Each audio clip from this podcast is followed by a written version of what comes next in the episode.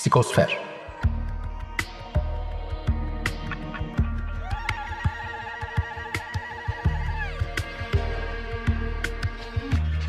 Hazırlayan ve sunan Bülent Usta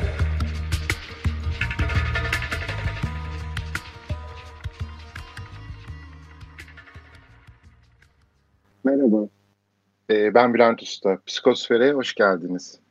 Ee, bu programda e, yaşamı, hayatı, e, yaratıcı yaşamının önemi hakkında e, konuşacağız. Konuğum daha önce de misafir ettiğim Mine Özgüzel. Hoş geldin Mine. Merhabalar, hoş bulduk Bülent'ciğim. Evet, ne zamandır aslında böyle bir e, evet. konu üzerine konuşalım istiyorduk. Bizim de Psikosfer'in e, son iki programı. E, Öyle sonra mi? bir süre, evet bir süre e, ara verelim istedim. Biraz pandeminin de böyle yani yüz yüze konuşamamanın bazı tabii zorlukları oldu. Bu e, ama bunu bir şekilde tabii aşmaya e, çalışıyoruz.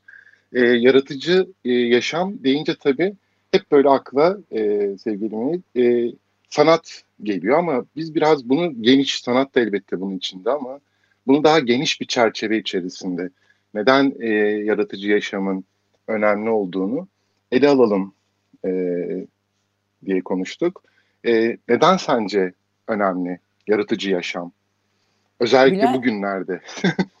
Doğru söylüyorsun. Evet. Bugünlerde daha da dikkatimizi çekiyor. Bülent'ciğim aslında şöyle gidelim mi? Neden e, yaratıcı yaşam, hayatı yeniden neden yaratmalıyızı kendimizi yeniden yaratmayla bütünleştirelim mi? Yani hayatı yeniden yaşamak bence kendimizi, kendiliğimizi yeniden yaşamaya geçmek ihtiyacından doğduğunu düşünüyorum. Ve hatta sana burada çok e, şey bir yorum yapayım ilk başta girerken. Bunu bu hep düşündüğümde yani neden hayatı yeniden yaratmak ihtiyacı duyarızı düşündüğümde hep kendi şu e, düşüncem aklıma geliyor. Yani çok severek ben bu biliyorsun psikolojiye girdim, hele klinik psikolojiyi. Ama sonra ne oldu ki son 15 yıldır okumalara, edebiyata ve hatta yazmaya dönüştü yaşamım. Neden? Yaşamımda bu değişim oluştu diye düşündüm. Kendimi yorumlamada yani bir baktım ki kendimi neden değişime girdim diye. Şu da şeyden başlamamızı ister misin? Çocukluğumuzun, doğumumuzun dan girelim ister misin? Çok kısaca. Zaten, evet, te- temeli de değil mi? Bir, özellikle Winnicott'un çalışmalarından e, yola çıkarak o geçiş nesnesi, geçiş olgusu A- aynen, üzerinden. Aynen.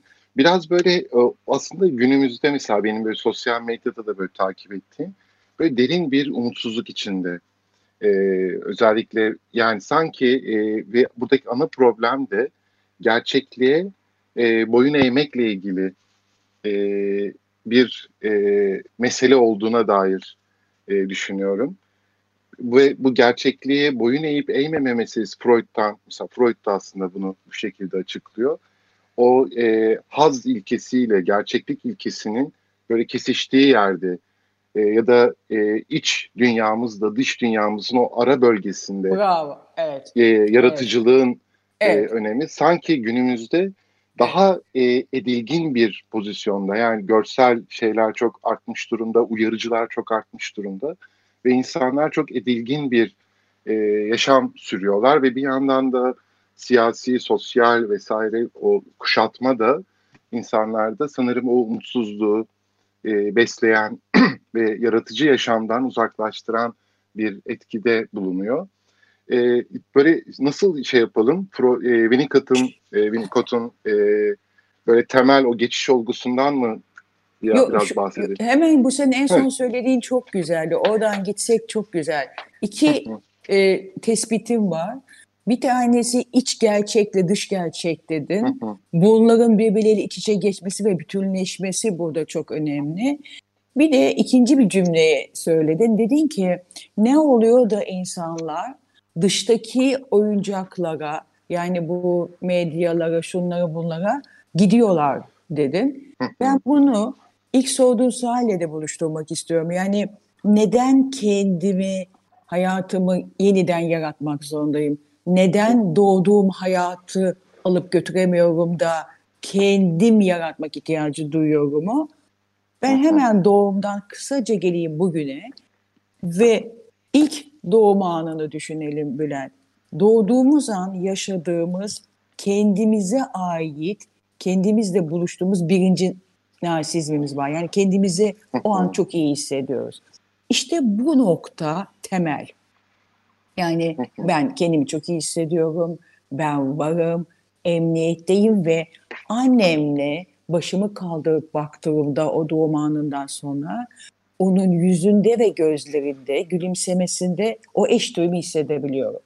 İşte Bülent'ciğim bu bizim ilk yaşama çıkışımızdaki kendi varlığımızı hissetmek.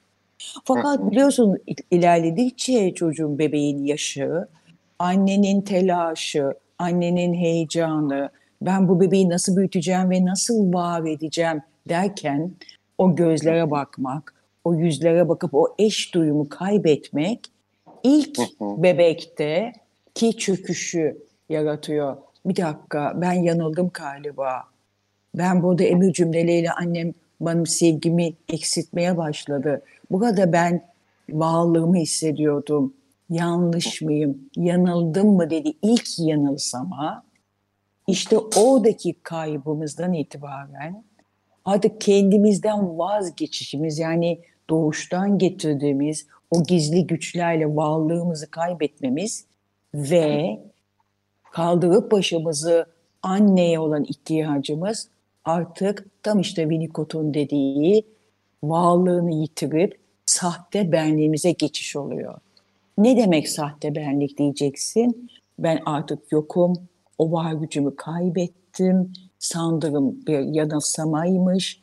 Burada güçlü olan annemmiş ve ben annemin dediklerini yaparak var olmalıyım demek.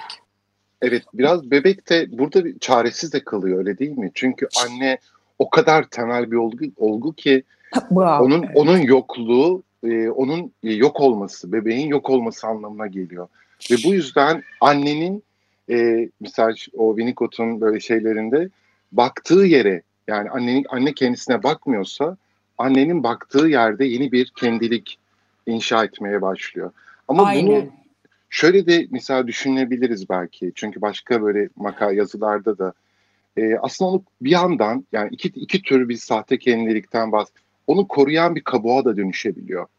Mesela yıllar sonra yeniden o içimizdeki hakiki kendiliğe e, ulaşabiliyoruz ve uzunca bir süre bizi o sahte kendilik, o kabuk e, koruyabiliyor. Çünkü anne ne yaparsak yapalım görmeyebiliyor bizi ve e, yaşayabilmemiz için de o bakışa bizim ihtiyacımız var. E, fakat bu e, bizim hayattan haz almamızı, yaşamın yaşamımızı anlamlı olduğunu hissetmemizi engelleyen bir şeye dönüşüyor. E, bu, ve hmm. değil mi? Evet. evet. Bu engel kelimesinden yola devam edelim istersen. O engellemeye dönüştüğünde ne düşünüyorsun? Engellemeye e, yani o dönüştüğünde kabuk. E, evet. Evet kabuk ve ondan sonra o kabuğun içerisinde şöyle şeyler programın belki devamında e, değineceğiz. Yalnız kalamama, sürekli bir onay arayışı, değil mi? Sürekli bir e, mesela şöyle şeyler okuyoruz. E, ne kadar doğru bilmiyorum tabii e, haberlerde ya da gazetelerde. E, işte Amerika'da bir genç kız yeterince like alamadığı için intihar ediyor. Şimdi oradaki e, şey e, çok böyle trajik, dramatik şeylere varabiliyor. E, o onaylanma ihtiyacı. E, ve bu da o sahte kendilik çünkü aynı zamanda çok kırılgan da bir şeye dönüşüyor. En ufak bir şeyde yıkılan, kendisini e, odunlayamayan, kendisini ayağa kaldıramayan e, bir yapı. Ve bizim öteki kendilikten e, ne kadar oraya e, ulaşabilirsek aslında o kadar yaşamımız anlamlı bir e, hale geliyor. Öyle değil mi? Evet ben sana bunu istersen bu anlattığını şöyle kısaca şematik götüreyim mi? Daha hemen belki hızlı gideriz diye. Şöyle Bülent'ciğim o annenin bizi teyit eden eş duyumlu bakışını kaybettiğimiz an kendi varlığımızı kaybetmemiz o senin kabuk dediğin şey o kendi varlığımızı tamamen dibe itiyoruz. Yani e, Winnicott'un dediği gizli, evet. bravo, gizli güçlerimizin tamamen hatta bunu altını çizerek söylemek istiyorum. Bilinç dışına itilmesi. Bak bilinç altı bile değil. Tamamen değil, evet. bilinç dışına itilmesi ve senin dediğin gibi o zaman ben çaresizim deyip kafayı anneye kaldırdığı an annenin gözlerinde neyi görürse onu yapmaya çalışması işte ilk sahte benliğin varlığı ve senin kabuk dediğin şey örülmüş oluyor. Ama hayal edelim Bülent, kabuğu ördük. Bu bir sahte benlik. Yani artık annem ne derse çünkü bu yine Winnicott'un dediği gibi en büyük ilişki bebekle anne ilişkisi ise o o anneyi teyit et, etsin beni diye onun her istediğini yapıyor olmak ve kendi gerçek varlığıyla senin dediğin kabuğu örmekle birlikte biz artık tamamen bir taklit oluyoruz. Yani ben imgesiyle doğan bebeğin sahte benlikle birlikte ben imgesini kaybetmesi, benliğe gidecekken o senin haz dediğin, Freud'un dediği kendini yap hatta edebiyatçılarda ben ideali dediği ben ideale gidebilmenin yolunu kaybediyoruz. Ancak burada daha sonraki hayatta da karşımıza çıkan bir iki nokta var. Bebek bunu kaybettiği an bir sahte benliğe döndüğünde yaşamak için bu onu çok rahat ettirmeyip kendisine geçiş alanları çıkartıyor.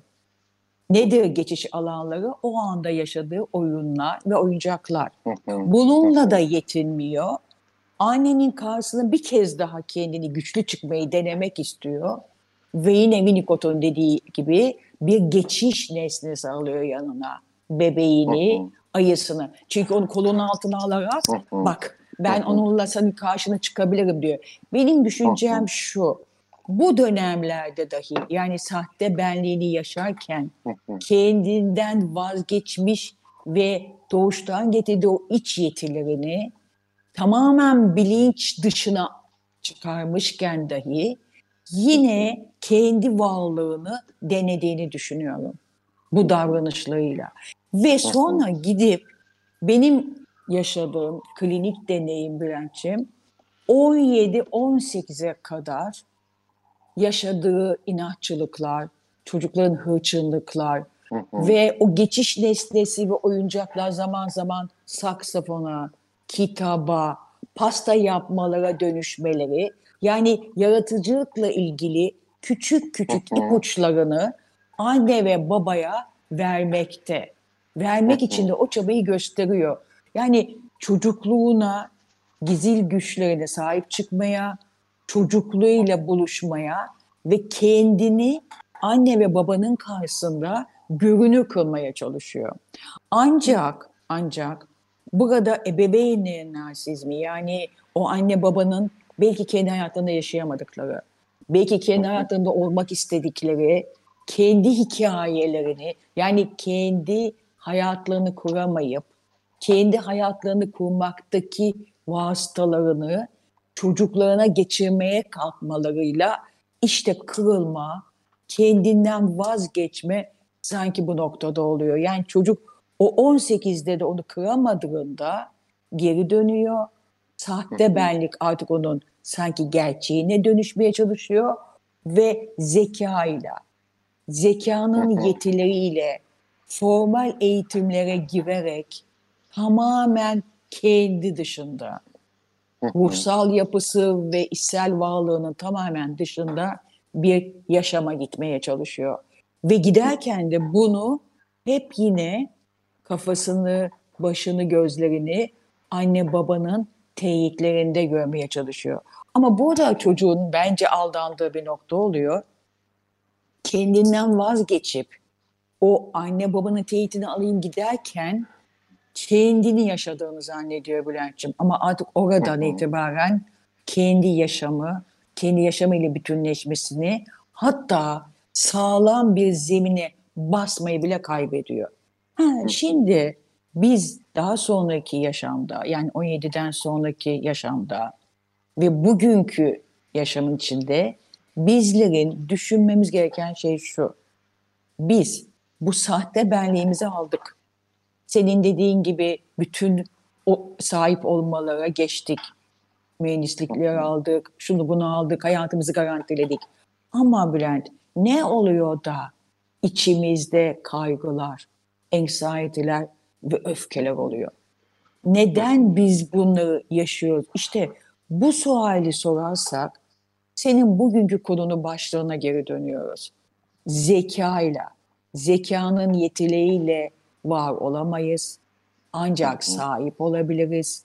Bizim gerçek varoluşumuz, kendimizi yaratmak, kendi hayatımızı yeniden yaratmak ihtiyacı, sahte benliğimizi yaşatmaması, ruhsal yapının öfke ve kaygılarının bu işareti bize vermesi ve bize hızla, hızla kendi iç gerçeğinize, doğuştan getirdiğiniz gizil güçlerinize geri dönerek kendinizi yaratmaya, kendi hayatınızı değiştirmeye ve hatta Bülent'ciğim o sırada çıkarken o çocukluktaki oyun alanlarını, oyuncaklarımızın simgelerini de bugünkü zihnimiz ve düşüncelerimiz ruhumuzla yeni oyuncaklara çevirerek bugün nelerdir hayatımızda bizi yaratmak istediğimiz şeyler okumalar mı, yazmalar mı, saksafon, müzikler mi deyip kendi bütünleşmemizi kurmak. Şimdi senin bana sorduğun suale gelelim. Yalnız olabilmek yetisi nasıl oluşur? Yalnızlık aslında nedir? Yalnızlığın kendiyle yaşama nasıl buluşabilir? Bu noktada gidebiliriz seninle. Evet. Ee, şimdi burada tabii şey de var. Ee, bu gerçekliğe boyun eğme. Mesela Freud'un hem yazdığı makalelerden, Winnicott'tan, e, Klein'dan, yerlerinden biliyoruz ki gerçeklik her zaman acı veren, her zaman e, bize e, hoşumuza gitmeyen bir şey. Ve e, burada o gerçekliğe boyun eğen, bütünüyle boyun eğmiş. Mesela Winnicott'un şey e, tabiri çok ilginç. Mesela şizofreniden bahseder e, işte kitabında da oyun ve gerçeklikte. İçe dönme, iç dünyamıza Tabii. çekilme e, nasıl bir hastalık gibi algılanıyorsa bütünüyle dış dünyada yaşama yani gerçekliğe boyun eğmeyi de bir hastalık gibi e, ele alabiliriz. E, Aynen. Yani Aynen. E, o kopukluk ya öbür tarafta ya da bu tarafta ikisinde de bir e, ve günümüzde özellikle e, mesela önceki programda Utku Özmakas'la ko- konuşmuştuk girişimci benlik başlığıyla. E, bize dayatılan da bir şey bu. Gerçekliğe sürekli boyun eğmemiz e, talep ediliyor. Hatta böyle anne babaların en çok mesela ergen çocukları için uslu olmaları, uslu olmak sanki çok iyi bir şeymiş e, Aynen, e, gibi. Wow. Aslında o uslu olmak başka bir orada o sahte kendiliğin öyle değil mi? O onaylanma ile ilgili, Aynen. değersizlik duyguları ile ilgili bir şeye aslında işaret ediyor ve mutlaka bir hayal kırıklığıyla sonuçlanıyor e, sonrasında. E, fakat e, o boyun eğme e, bizim için sanırım gerçekliğe boyun eğme e, en önemli şeylerden e, birisi e, ve yaratıcı yaşam aslında o boyun eğmeye, boyun eğmeden. E, onu da şunla belki tanımlayabiliriz. E, belki bana yardımcı olursan. Mesela Winnicott hayal kurmakla fantaziyi birbirinden ayırır. Fantazide dış gerçekliğe boyun eğmek, hayal kurmak ise dış gerçekliğe yaratıcı bir biçimde katıl, katılmak ve bunu çocukların oyun oynamasından yola çıkarak e, tanımlar bizim e, daha çok günümüzde bir fantazi bombardımanı altında oraya e, yöneltildiğimizi düşünüyorum.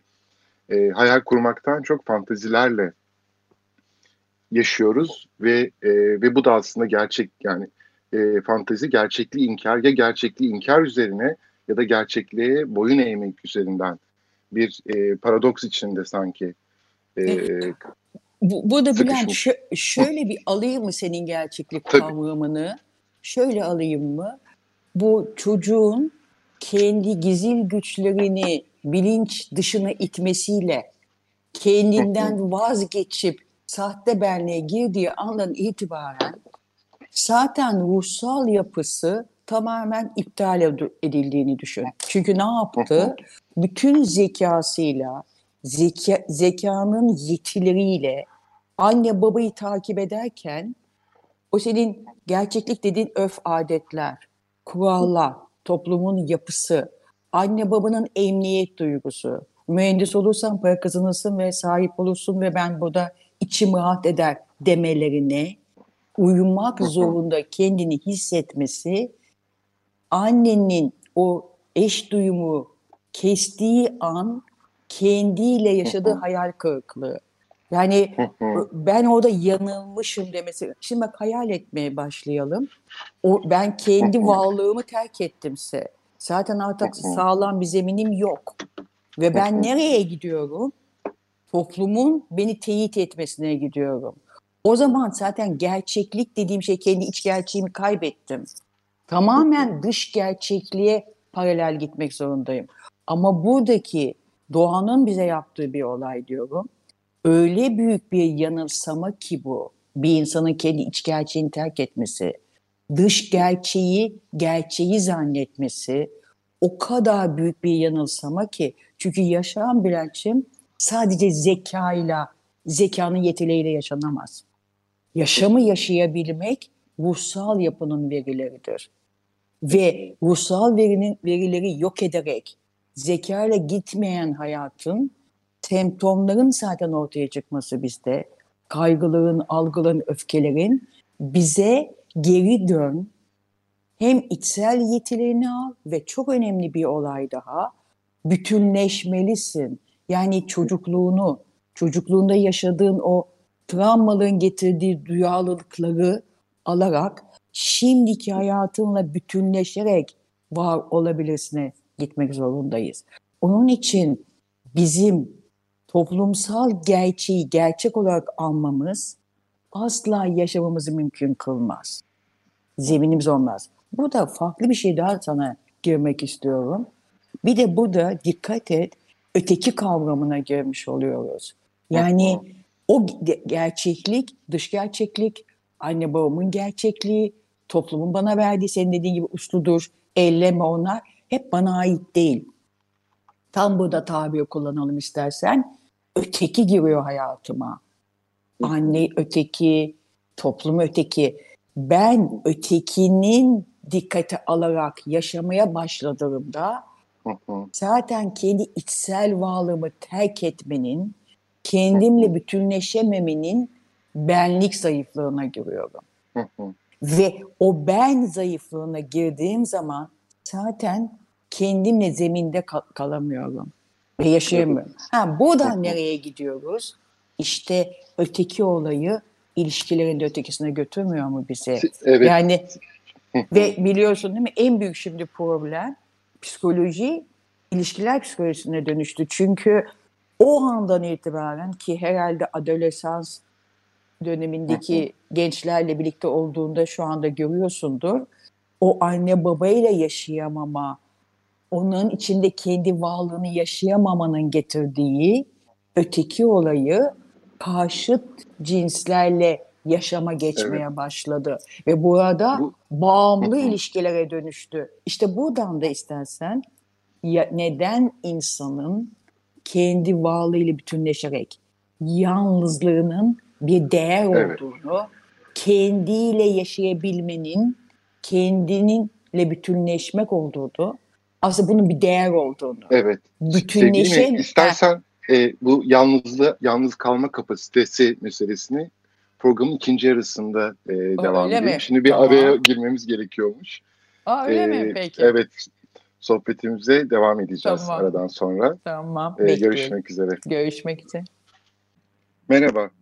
E, Psikosfer'in ikinci kısmında e, Mine Hanım'la, Mine Özgüzel ile yaratıcı yaşam üzerine konuşmaya devam ediyoruz.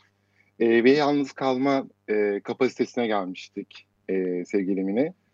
E, yalnız kalmak neden bu kadar, yalnız kalabilme ve neden bu kadar günümüzde e, zorlaştı ve e, bir, bir yandan da neden bu kadar önemli?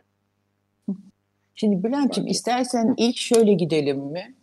Bu hep benim e, karıştırdığım bir kavram oluyor. Şöyle ki kendimizle yaşamak, kendi içsel verilerimizle bütünleşmek yalnızlıktır. Ama bu çok müspet bir kavramdır.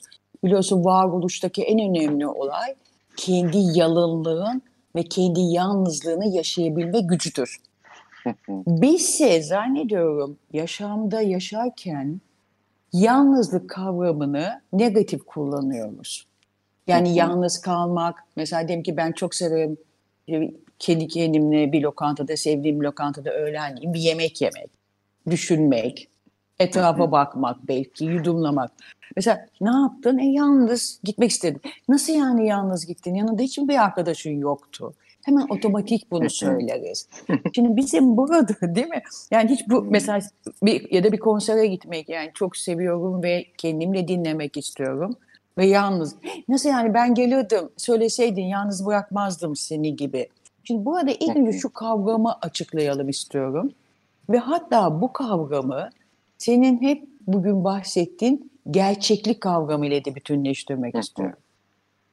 Bir tek en başta da şunu söylemek istiyorum.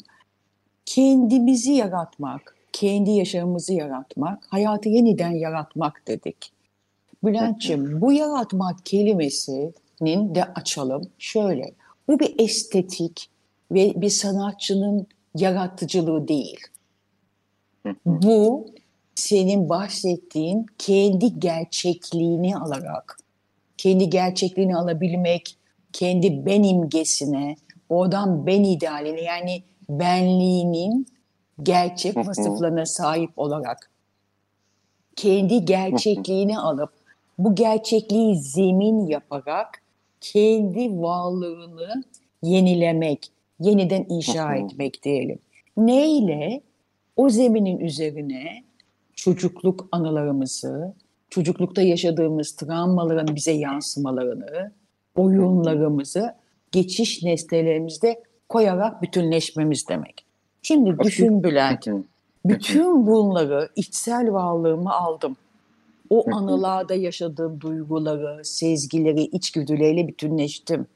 Ve zihnimle bununla harmanladım ve kendimi kendime ait bir tanımla çıktığımda o tanımın bana verdiği güç işte benim kendimi yaratmam, kendi yalnızlığımı var etmemdir.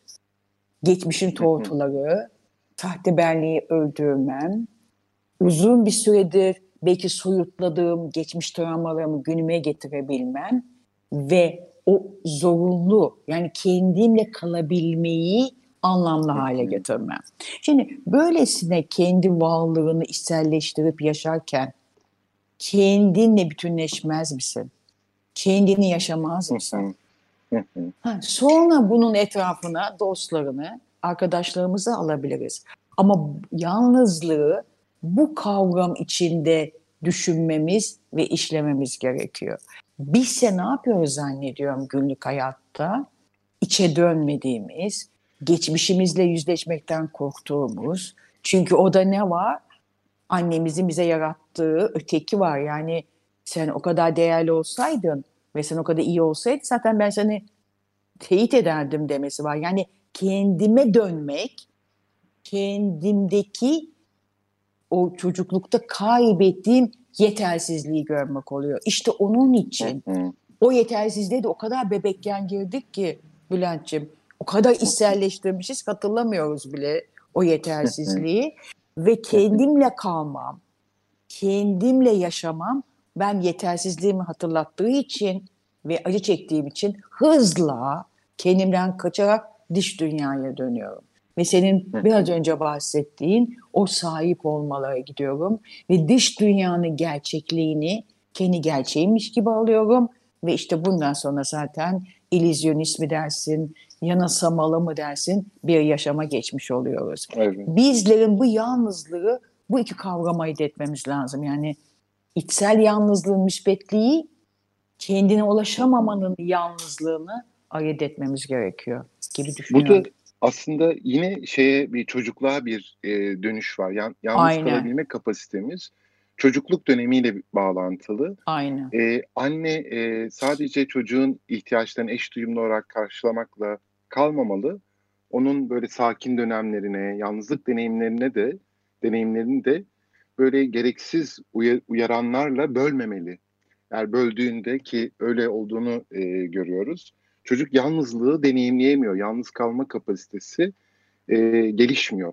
O tüm güçlük yanılsamasını sürdürüyor, sürdürmeye devam ediyor. Çünkü onun o tüm güçlük yanılsamasının e, böyle azar azar kırılması ve kendi dünyasını, e, kendi sınırlarını e, oluşturması e, gerekiyor. Ama orada o olmadığında e, ki buna da aslında e, günümüzde e, özellikle bu akıllı telefonlar vesaireyle de e, hiç e, yalnız kalmama gibi bir şey de eşlik ettiği için e, böyle bir o yalnız kalmak e, daha da e, güçleşiyor diye düşünüyorum. Yani Aynen. orada yalnız kalma evet kapasitesi biraz değil mi çocukluk döneminde e, şekillenen bir şey aynı zamanda. Evet orada Bülent çok önemli bir noktaya değindin. Şöyle ki çocukların bence 6 aydan itibaren yani destekle oturulmaya başladı. Aslında bence doğduğu andan itibaren yani o yatağında kendiyle kalıp tepesine iki tane oyuncak sallandırabilirsin.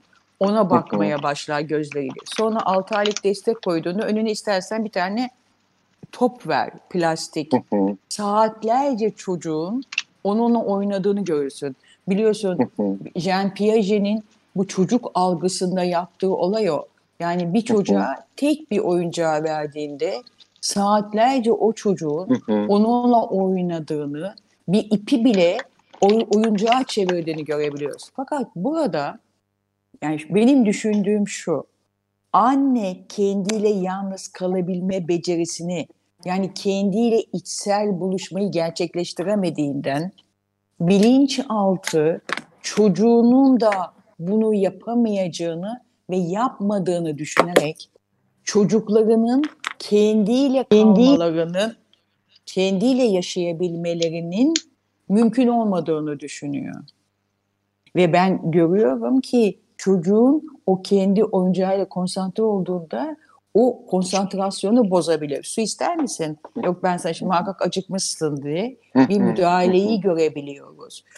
Yani yalnızlığı bir negatif olarak algılıyor. Halbuki o da çocuk onunla oynuyor. Oynarken de hayal gücünü, imajinasyonlarını hayata geçiriyor. Ve düş gücünü geçirebiliyor. Biz onun sürekli onu meşgul ederek kendi içsel buluşmasını engellemiş oluyoruz. Ama buradaki olgu e, yetişkin insanın yani anne babanın kendiyle elde edemediği ve negatif anladığı, algıladığı yalnızlığın sözde çocuğunu onu yaşamasını engellemeye kalkıyor. Yani zincirleme kaza Tabii. Ediyor. Aslında e, yani hani mesela benzer bir şeyi şeyde de görüyoruz. Çocuk ağladığında büyük bir e, anne baba büyük bir telaş e, yaşıyor. E, e, ağlama, kendilerinin kendi duygularıyla yaşamakla ilgili bir sorunları olduğunu görüyoruz. Yoksa çocuk ağlayacak. Aslında tabii burada annenin kendinden çocuğu ayrıştıramadığını söylemek istiyorsun değil mi bana? Tabii. O ayrışamama değil mi? Kendi şeyini e, yansıtıyor, aktarıyor. Evet. Kendi yalnız kalamama kapasitesi, ya yalnız kalamama durumu bu sefer çocukta e, çocuğun da öyle hissettiğini varsayarak. Evet. Evet, burada istersen en önemli kavram nedir diye düşünelim. Neden bir insan kendi yalnızlığına geri dönemiyor? Benim düşüncem şu Bülent, katılır mısın? O sıfırla doğduğu anda ben varım deyip sıfırla bir arasındaki o varlığını kaybetmesi ve kendinde sahte ben yetersizliğin gerçek olduğunu zannetmesi, daha sonra kendiyle kalmayarak bir daha o yetersizlikle yüzleşmekten korkması diye düşünüyorum. Çünkü mesela bunu sen de bilirsin o obsesyonların, o meşguliyetlerin, o insanların çok çalışmalarını görürüz. Hep ne zaman derim ben, bir dakika şimdi düşüneceğim onu ama bilmiyorsun işte şuna koşuyorum. Çocuklar bunu devamlı kendimizi işin üstünde meşguliyetlerle tutmak tamamen kendi iç dünyamızı duymaktan kaçmak. Neden? Hani bir hayal edelim. Bir dört duvar arasında bırakıldığımızda en büyük acı nedir bizim için? Orada kendimizle kalmak. Çünkü kendi düşüncelerimizle kalmak ve orada kendi gerçeğimizle yüzleşmek. Ama yanılsamamız şu ki yetersizlik bizim değil. Gerçekten bir sınav gibi bir organik bir olgu bu. Bu yetersizliğin bize ait olmadığını, kendi içsel dünyamıza dönerek sabırla, sakinlikle çalışırsak, kendi içsel yetilerimizle geri döneceğimizi ve kendimizi ve hayatımızı yeniden yaratabileceğimizi ve bunun ihtiyacımız olduğunu kendimize vermemiz gerekiyor. Bence aslında şuradan bizim mesleğe atlayacağım. Terapiler de böyle bir şey değil mi aslında? Yani kapıdan girerken bir insanın bize getirdiği sorunlar aslında bize bu sorunların içerisinde ben yaşarken kendimi bulamıyorum. Hadi bana kendiliğimi geri ver. Kendi varlığımı birlikte yakalayalımın bence gizli bir bir bize söylenmesi gibi geliyor bana ve zaten bizlerin de yaptığı belki de o insanların o kendi gerçeklerine, o kendi içsel çocuklarına geri dönerek kendi yetileriyle kendi şimdilerini oluşturmaları diye düşünüyorum terapiyi bazen.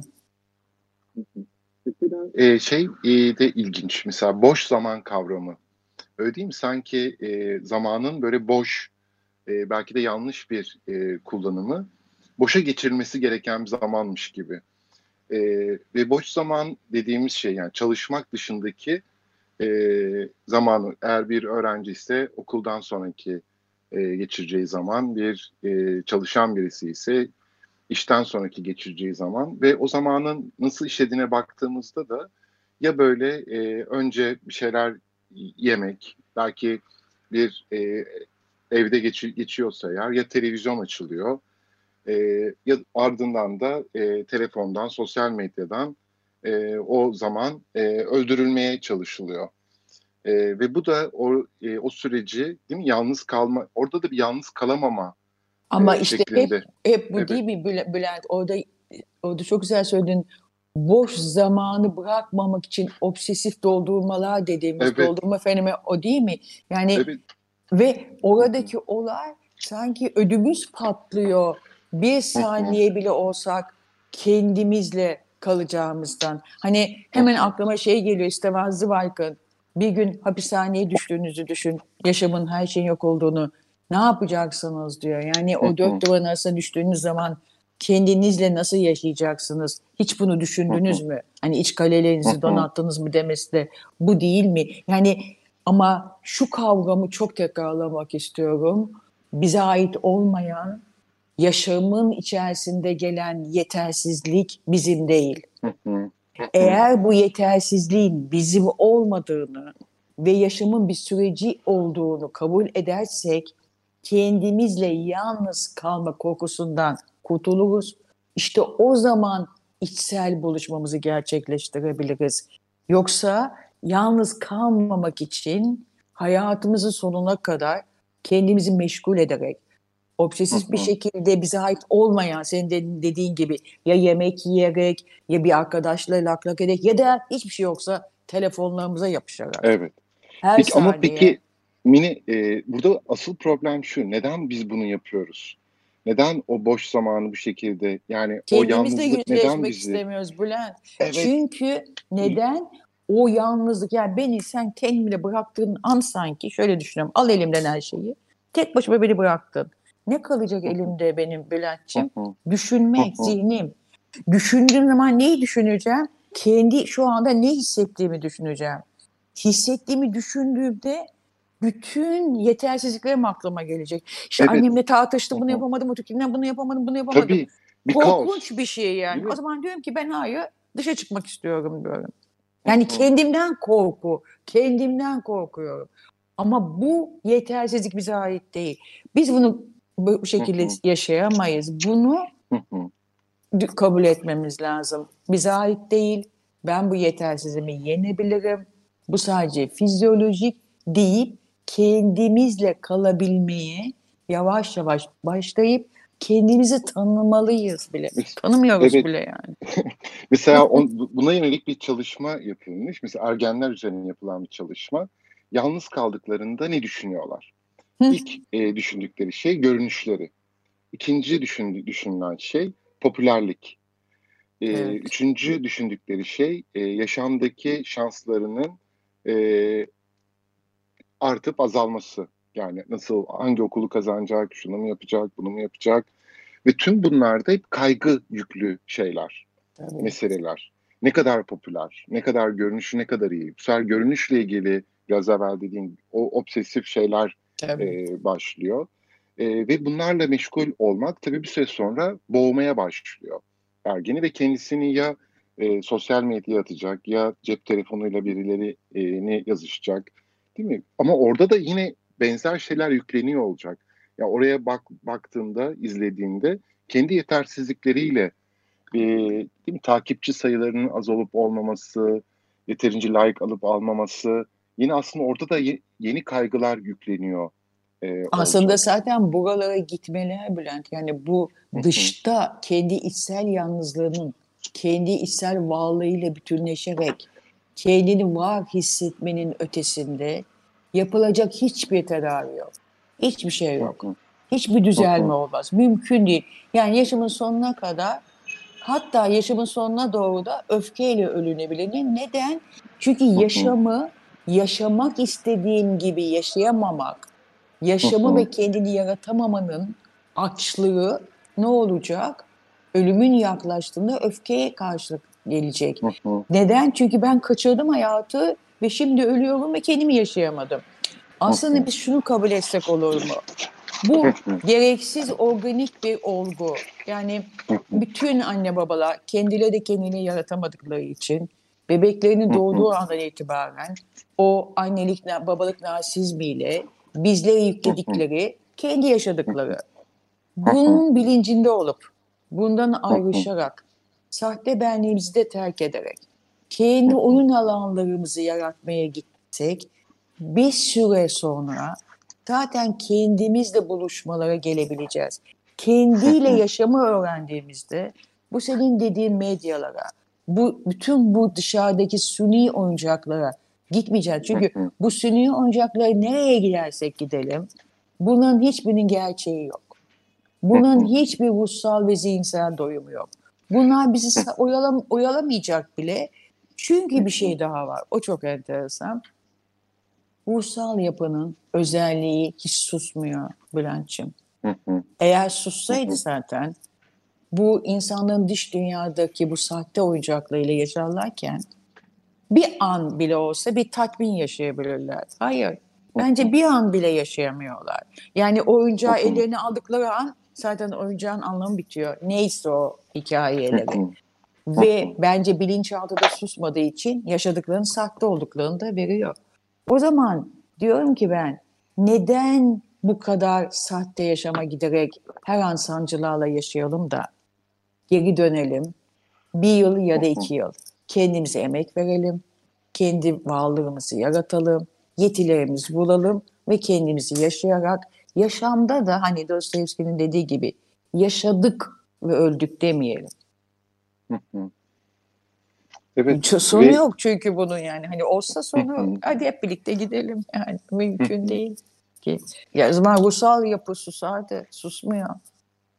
Ve benliğin e, aslında yaratıcı yaşam dediğimiz şey de e, şey değil. Billa bir yaratıcı bir sanatla ha, değil mi? Işte, bir şeyle bravo. İşte onu uğraşmak, dedi. Evet, hayır hayır. Ee, sakın, sakın. Evet, evet. anlamına ee, gelmiyor. Yani, kesinlikle Bülent'ciğim. Yani bu bir sanatçının yaratıcılığı değil. Yani mesela çok basit bir şey vereyim. Çok tatlı benim bir arkadaşım vardı. Bu mimar bir kızcağızdı. Ve çok mimaride de estetik vardı biliyorsun. Fakat sonra bu çocuklarına pasta yapmaya başladı. Küçücük de bir mutfağı var. Mutfağında oturuyor pasta pasta yapmaya başladı. Fakat mimarideki o şey de olduğu için öyle pastalar yapar oldu ki şimdi bizim Kadıköy'de mimariyi bıraktı. Nefis bir pastacı dükkanı var. Pasta yapıyor, insanlara pasta öğretiyor, pasta dersleri veriyor. Şimdi bu işte neydi? Mimari onun zekasıyla elde ettiği bir formasyondu. Ama onun içerisinden renkleri alarak çıkması, çocuğunun bahanesi tesadüf ona pasta yapayım derken pastayı yaratması. Hiçbir okula falan gitmedi yani. Ne pasta okulu. Neydi? İşte bu kendi içindeki bir yaratıcılık. Tabii. Onu mesela şey olarak da diyelim teknesinde bir balıkçı düşünelim ya da ah. tekneyle değil mi? Oradaki rüzgarı hissetmesi, dalgaları hissetmesi. Orada böyle bir akışa kendisini bir seramikle uğraşabilir, başka bir şeyle uğraşabilir. E, değil mi? Ya da kitap okumak da aynı şekilde. Kitap ah. okumak, televizyon izlemekten çok farklı. Orada bir çok. Kat, bir katılma var, bir katılım var. E, değil mi? Etkin bir eylem e, ya da yazma. Ve, ve orada şey var, okuma ve yazmada eğer gerçek hakkında verirsek biz onun o okuma ve yazmalar bilinçaltımıza sızıyor. O sızıntılar sırasında ne oluyor?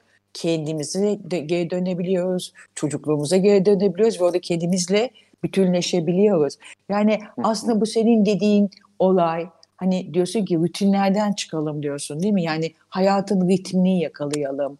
O denizin, rüzgarın yakalamak gibi rutinleri bırakalım diyorsun. Evet kesildi tamam. de bir şey oldu. Evet evet ba- bağlantı bazen bu, bu sefer de evet. Bazen e, kopukluk oluyor. Tekrar e, bağlandık. Evet. O şey, o senin anlatımlarından şunu hissettim. Diyorsun ki rutinleri, ezberleri bırakalım. Bunların bizi yutmasına izin vermeyelim. Ezberleri kıralım ve kendimizin ritmine, kendi oyun alanlarımıza geri dönelim diyorsun. Kendi benliğimiz hani rüzgar, yelken diye bahsettiğin şeyler ya da toprak ya da seramik dediğin şeyler rutinlerden çıkıp kendi ritmimizi yakalayalım diyorsun. kendi rengimizi yakalayalım ki kendi yaşamımızı ve kendi hayatımızı yeniden kendimiz yaratabilelim diye düşünüyorum. Son böyle e, iki dakika iki, iki dakikamız kalmış e, tamam. sevgili Mine. E, böyle biraz tabii son şeylerde ben biraz yayından düştüm. İnternetle ilgili bir sorun oldu. Evet, ee, duyamadık bebeğimizi. evet. E, fakat buradaki e, böyle o yaratıcı yaşam iç dünyamızla dış dünyanın buluşması, kendi evet, arzularım, kendi arzularımıza izin vermek e, evet. ve bunu e, bir fantezi düzeyinde değil, hayal kurarak e, biraz oyun oyun oyun oynamak bu anlamda oyun çok güzel açıklıyor bunu. Çocukların oyun oynarken yaşadıkları o kendilerini bırakışları e, oyunun içine ve bizim de kendimizi bırakabileceğimiz e, evet. e, alanları çoğaltmak, e, yalnızlıktan, yalnızlıkta düşündüğümüz e, o e, ve başkalarının gözünden mesela Lacan'ın çok güzel bir öyle bir şeyi var. Aynaya baktığımızda diyor kendimizi görmeyiz gerçekte. Başkalarının bizi nasıl gördüğüne dair düşünceleri görürüz. Ne, ne zaman e, o düşüncelerden e, bakışımızı, o içe bakışımızı kuvvetlendirebilirsek yaratıcı yaşamın olanaklarını da aslında keşfetmiş oluruz diye düşünüyorum. Tabii. Çünkü kendimizi görmüş oluyoruz aynada. Kendi görüntümüzü seyretmiş oluyoruz değil mi? Kendi evet. gö- kendine bakabilme aynada diyor Lacan. şey bağlantıda bir kesilme oluyor ama ne oluyor? Neyse ki son dakikalara e, denk geldi evet. bu kesintiler.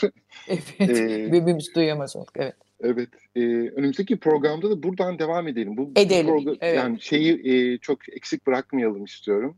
Hangisini? E, bu yaratıcı yaşamın tamam. neden önemli olduğuna dair e, hı hı. başka ipuçlarıyla beraber, başka örnekler üzerinden e, bu, bu programda biraz yalnızlıkla ilgili, yaratıcılığın, yaratıcı yaşamın kökenleriyle ilgili e, şeylerden bahsettik. Onun bir çerçevesini oluşturduk e, önümüzdeki programda bu yaratıcı yaşamın nasıl hayata geçirileceğine dair.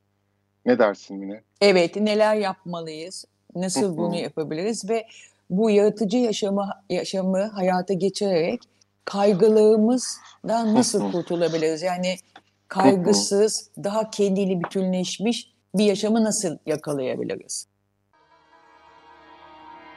Psikosfer